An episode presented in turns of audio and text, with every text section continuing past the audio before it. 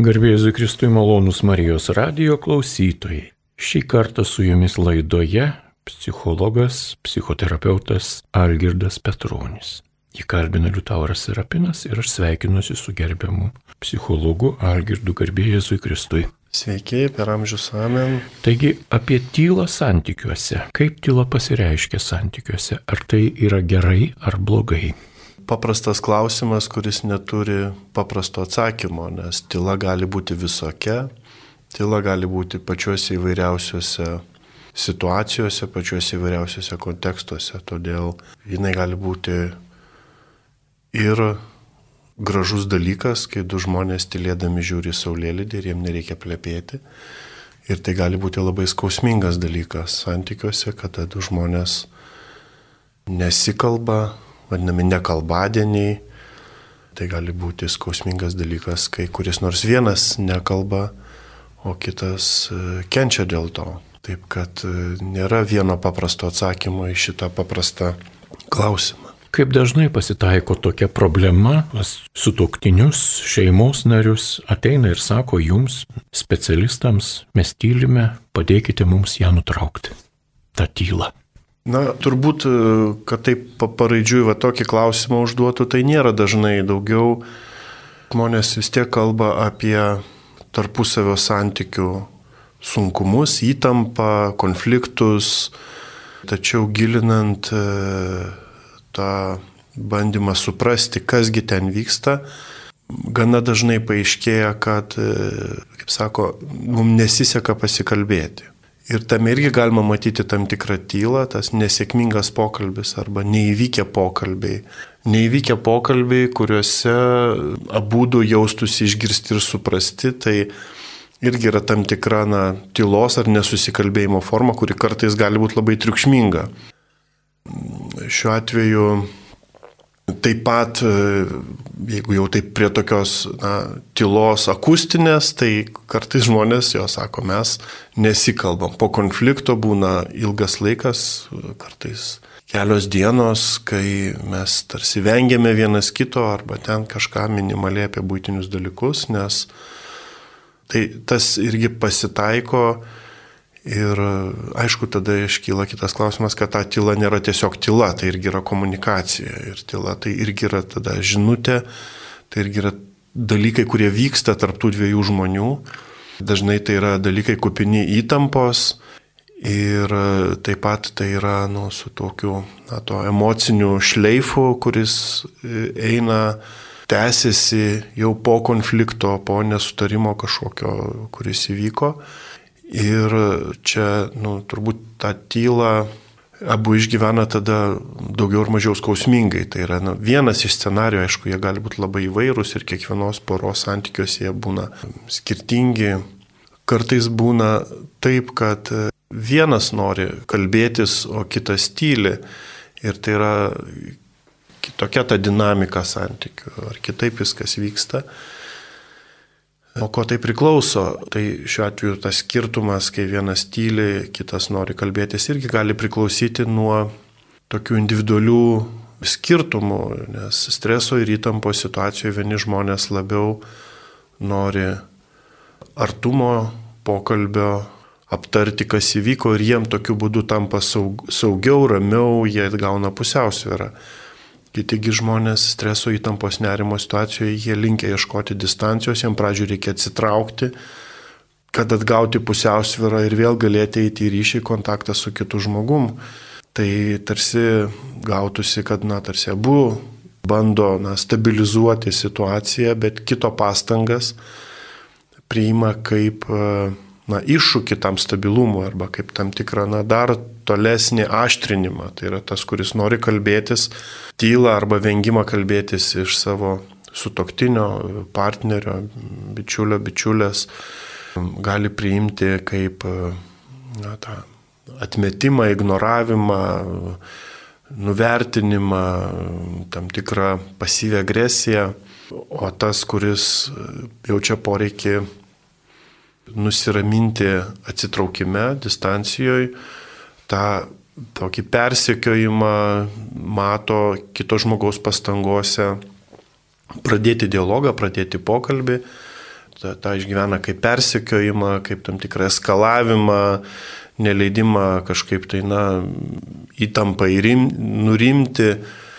Tai, tai yra visai kitokia istorija arba kitoks, na, scenarius, jeigu taip galima padinti. Tai turbūt porom yra nu, svarbu bandyti atpažinti, kokiuose situacijose, kokiais čia bėgiais mes nuvažiuojam, nes gana dažnai tie bėgiai yra nu, tokie prognozuojami, pažįstami, numatomi, nes jais pra, pavažiuota yra ne vieną kartą ir kartais net labai maždaug aišku, kur jie nuveda ir kokiu būdu mes, nežinau, ten galų galę taikomės ir, ir kas būna toliau. Tai šituose dalykuose susivokiant kartais galima bandyti nepasukti tais keliais arba ieškoti, ieškoti alternatyvių variantų. Malonus radio klausytojai, su jumis psichologas, psichoterapeutas Algirdas Petronis. Tyla. O gal tie, kurie nedrįsta prieštarauti, kovoti, nutyla ir tai baudžia kitą? Gal tai yra instrumentas baudžiamasis? Galima e, kalbėti turbūt apie tylą kaip tam, tikro, tam tikros ir pasyvios agresijos forma, kada kitas žmogus pyksta. Kartais net jis gali ir nesuvokti iki galo arba nereflektuoti, kad jisai tuo metu pyksta. Ir jo pyktis labiau išsireiškia tuo atsitraukimu, ignoravimu, nebendradarbiavimu. Mes čia galim kalbėti nu, ne tik apie tokią fizinę tylą, bet turbūt apie platesnį spektrą tokių elgesio būdų. Ir tas pasakymas baudžia kitą, jisai turi tokį atspalvį, tarsi kitas žmogus, nu, taip sąmoningai suplanavo, dabar aš tylėsiu ir bausiu, nu, taip truputį netgi, va, taip pakankinsiu kitą tylą. Ir mano patirtis darbo, aišku, nežinau, kiek jinai čia statistiškai atspindi, reiškia bendrą visuomenės vaizdą, bet man vis dėlto byloja, kad tai yra retas variantas, kad žmogus nu, turėtų tokį sakytume, sadistišką planą pamučit, pakankinti su toktinė ar su toktinė ar ten ką nors. Dažniau e, yra kitas variantas, kada kitas žmogus jaučiasi viduje, na, užsiblokavęs, nepajėgus kalbėti ir tame gali, tam jausmų mišrainiai, kurioje tas žmogus yra įkliuvęs viduje, taip pat yra ir pykčio dėl to, kas vyksta, ir, ir susierzinimo, ir apmaudo, ir, ir visokių kitokių jausmų. Ir tai, tai tampa tokia, na, pas, pasyvo, pasyvios agresijos arba pasyvaus tokio priešinimuose arba nepritarimo rodymo forma. Ir turbūt tai yra būdinga žmonėm, kurie e, linkia saugoti aplinkinius nuo savo nežinau, agresijos, impulsų, kažkokių vat, pykčio, e, išraiškų įvairių ir taip toliau. Ir na, tai susiję dažnai su patirtim šeimoje, su galbūt žmogaus tokiu įgimtų temperamentu. Dar čia galima būtų kalbėti apie įvairias priežastis, su, su, su kuo tai susiję. E, bet tas žmogus dažnai nemažiau, nu kaip sakyt, pats kankinasi toje tyloje. Ir e, šiuo atveju aš turbūt vis dėlto išmeščiau žodelį baudžia, nors tas, kuris norėtų kalbėtis arba kieno atžvilgių ta tyla yra taikoma, jisai gali, ar jinai, ar vyras, ar, ar žmona gali jaustis šitoj situacijoje, tarsi būtų baudžiamas, tarsi, na, aš kažką padariau ir kitas užtilo ir dabar, na, neišeina kažkaip tai jo iškrapštyti iš to keuto ir tada ta tyla, jinai nėra jauki, jinai kankinanti, jinai įtampos tyla. Ir tas tai labai suprantama, kad tokioje situacijoje galima pasijausti, tarsi mane baudžia, tarsi mane skriaudžia tą tylą. Taip atsakyčiau. Kitų rakursų - tyla. Bet gal patylėti yra protinga? Ir ar tikrai verta viską išpasakoti? Gal yra išmintinga ne viską pasakyti, net ir pačiam artimiausiam žmogui. Kaip manote? Šitame klausime aš girdžiu du, tarsi du, dviem pjūviais galima jį pažiūrėti. Tai vienas būtų vėlgi tam kontekste konfliktinių ir įtemptų įvairių situacijų, kurios poroje pasitaiko. O kitas tas pjūvis būtų apie atvirumą, tai ką pasakot, ko nepasakot. Ir čia tokie, nu, tas e, tarsi du, du klausimai čia jie susipina ir aš juos vis dėlto kaip, kaip atskirus klausimus e, svarstyčiau. Tai pirmojo atveju gal kartais verta patilėti, ar ne? Tai tam žmogui, kuris yra pasyviai labiau savo pikti, reiškia, tai jam daugiau yra problema, kaip išdrysti pasakyti kaip išdrysti, pasakyti, nebijant, kad tai sugriaus santyki, pasitikint, kad mes galim na, tęsti pokalbį, kad kitas žmogus turi pakankamai geranoriškumo ir atvirumo išgirsti mano kitokią nuomonę, o ne tik e, ateiti su savo kaip čia paruoštų, paruoštų atsakymų, kai, bet ir mano požiūrį pasiruošęs išgirsti. Tai kai kuriems žmonėms arba kai kuriuose situacijose mes nekalbam apie dvi žmonių rušis, kad vieni tyli, o kiti kalba, mes kalbam, kad visi susidurėm su situacijom, kada gali tekti na, priimti tą iššūkį, išdrysti kalbėti. Tai e, šitose situacijose šita taisyklė netinka, bet lygiai taip pat mes galime pagalvoti apie žmonės, kurie yra impulsyvūs, kurie yra, kaip ten sakom, pietietiško būdo ar ne, kurie e, mėgsta aštres frazes arba kurių e, intensyvios emocijos juos nuveda į tokius, na, pareiškimus, kad jie prikalba dalykų, dėl kurių vėliau gailisi netgi. Ir, ir nes tai skaudina kitą. Tai e, iš tiesų tai gali būti klausimas, o kada vis dėlto verta, na, šiek tiek palaukti, nenuvažiuoti draugė su tą e, kylančia emocijų banga ir suvaldyti savo e, umę reakciją.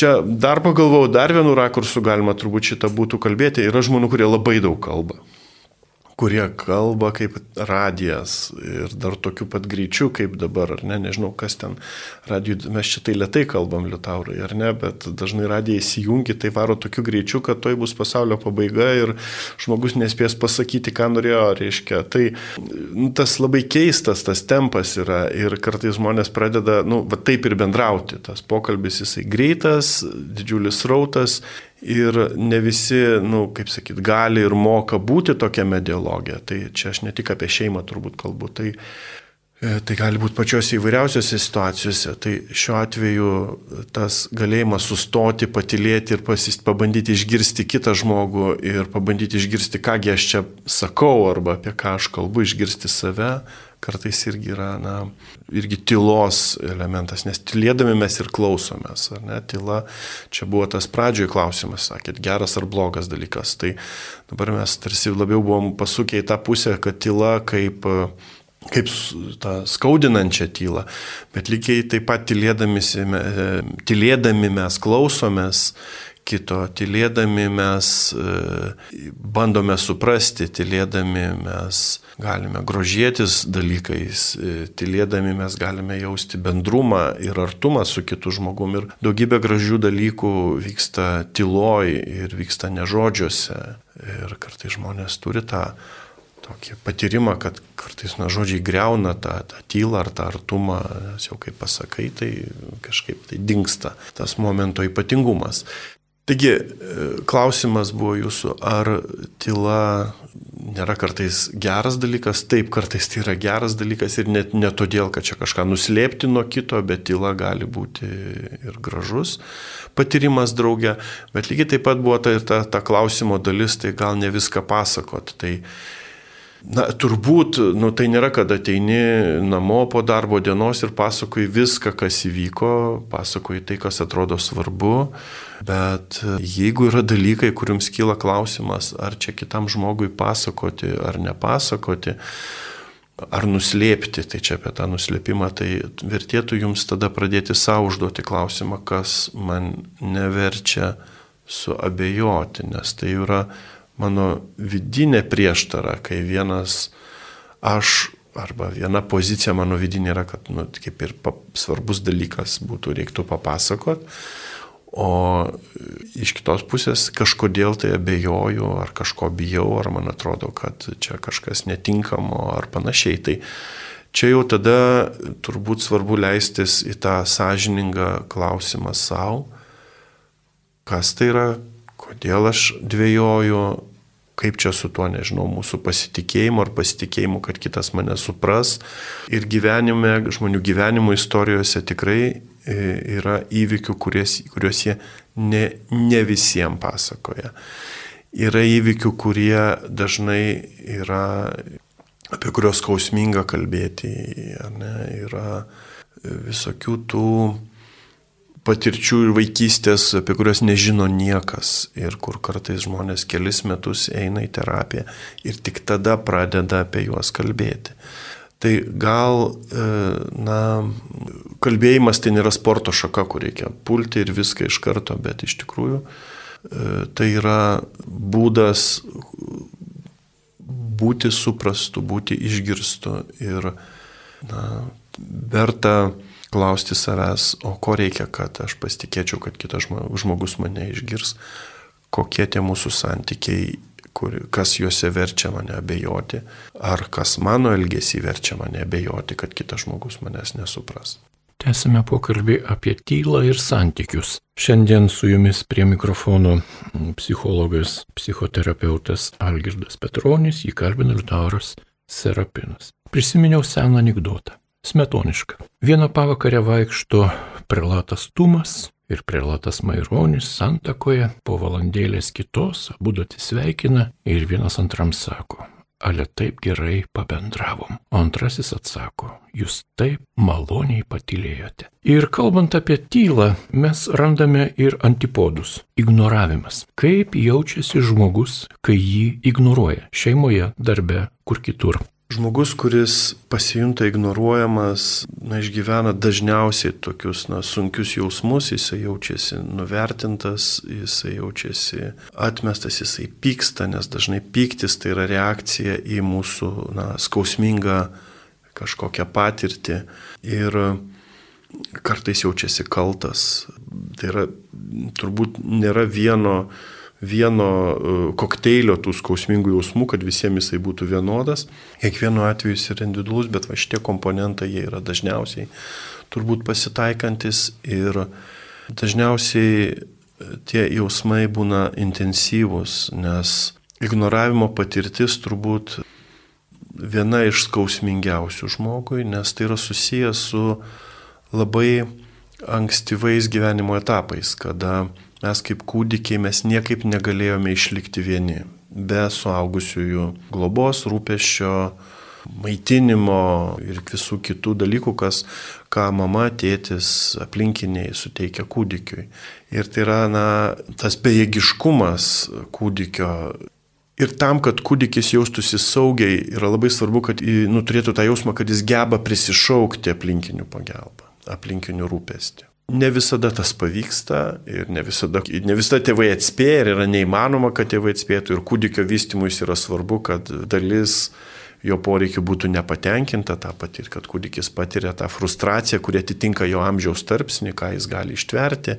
Ir Tai yra viena iš skausmingų patirčių, nes žmogus atsiduria bejėgiškoje situacijoje. Jisai galbūt norėtų kažką keisti, tvarkyti santykius, dar kažką, bet ignoravimas e, būtent ir sukelia tą jausmą, kad aš nesvarbus, aš nereikalingas, aš bejėgis ir nieko negaliu su to padaryti, nes kitas žmogus nebendradarbiauja, jisai nesileidžia. Ir tai yra tikrai labai skausminga patirtis, kuri dažnai veikia tokiu būdu, kad tas, kuris yra ignoruojamas, kenčia, kenčia, kenčia, bet viduje kaip čia pasakyti, kaupėsi įtampa ir galų galia tas žmogus gali sprokti, pavyzdžiui, nu, to, to pykčių, kuris yra kaip tokia aktyvi išraiška arba aktyvi pastanga, nu vis dėlto pramušti tą ignoravimo šarvą ir prisišaukti iš kito žmogaus nors kažkokią gyvą, gyvą reakciją. Šiuo metu dažnai girdime spaudoje ir, ir televizijoje ir kur kitur apie atšaukimo kultūrą. Ir darosi populiaru ignoruoti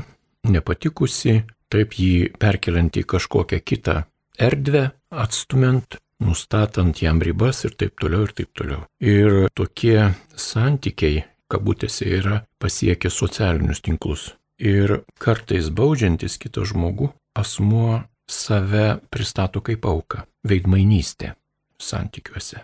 Maždaug sako, aš taugi nieko nedarau, aš tyliu, ko prie manęs kabinėjasi. Ir nėra bendravimo, nėra pilnatvės gyvenimo. Ypatingai tai jautrų šeimoje, Kaip jaučiasi žmonės gyvendami tokį sudėtingą atšaukimo gyvenimą?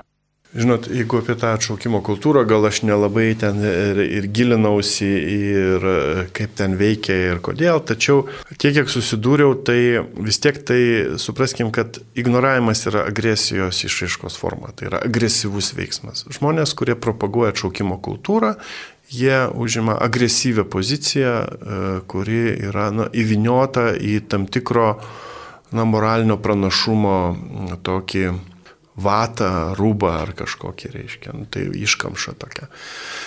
Tai jie nesako, kad man nepatinka, jie sako, kad, kad aš nenoriu su kitu bendrauti, jie sako, tas su tuo kitu yra kažkas ne taip ir todėl jisai ar jinai verti yra to, kad juos na, išmesti iš genties. Tai yra labai senas, pirmykštis, pavadinkim, tvarkymosi su vadinkim, nusikalteliais būdas, labai arhaiškas, kada žmonės būdami išvaromi tiesiog iš, iš bendruomenės. Ir tas išvarimo iš bendruomenės veiksmas, jis turi labai tokias, sakyčiau, senas šaknis ir jis dabar dažnai yra daromas net, net nesuvokiant kartais, na, kad tai yra agresija, kad nesuvokiant, kad tai yra labai tokia na, arhaiška forma pasireiškinti, reiškia tą agresiją ar bandymas nubausti. Labai dažnai tai susijęs su konkurencija, tokia, na, ten politikos rytyje arba dar kažkur, kada tikslas yra, na, tarsi nužmoginti, nežinau, ten politinį, idėjinį ar kokį nors kitokį oponentą.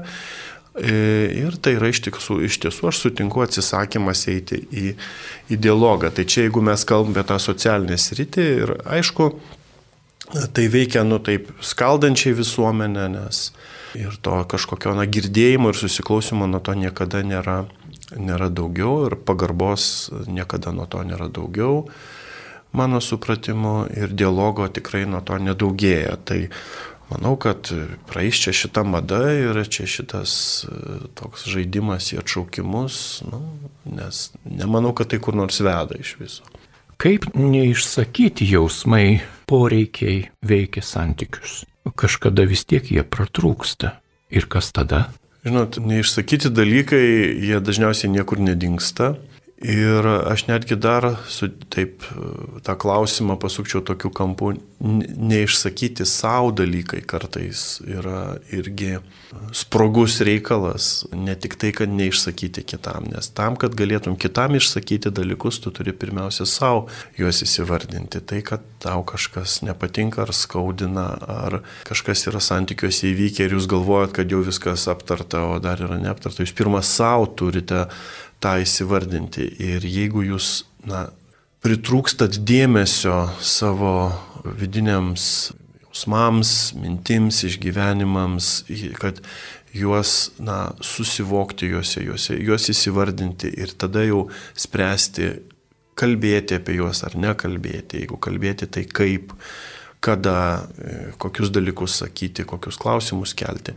Tai yra nuseklus procesas, tai nėra, kad nu, du jie labai būtų atskirti vienas nuo kito.